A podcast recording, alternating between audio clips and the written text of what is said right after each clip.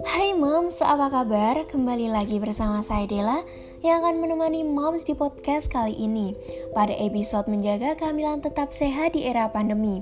Apa aja yang harus dilakukan? Ikuti tips-tips berikut ini ya moms.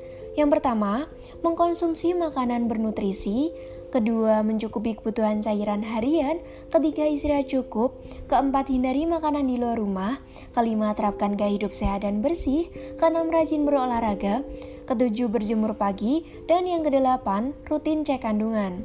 Setelah mengetahui kiat menjaga kehamilan sehat di era pandemi di atas, moms diharapkan bisa lebih waspada menjaga kandungannya. Nah, itu tadi kira-kira hal yang dapat moms lakukan untuk menjaga kehamilan agar tetap sehat di era pandemi. Terima kasih sudah mendengarkan podcast ini bersama dengan Dela.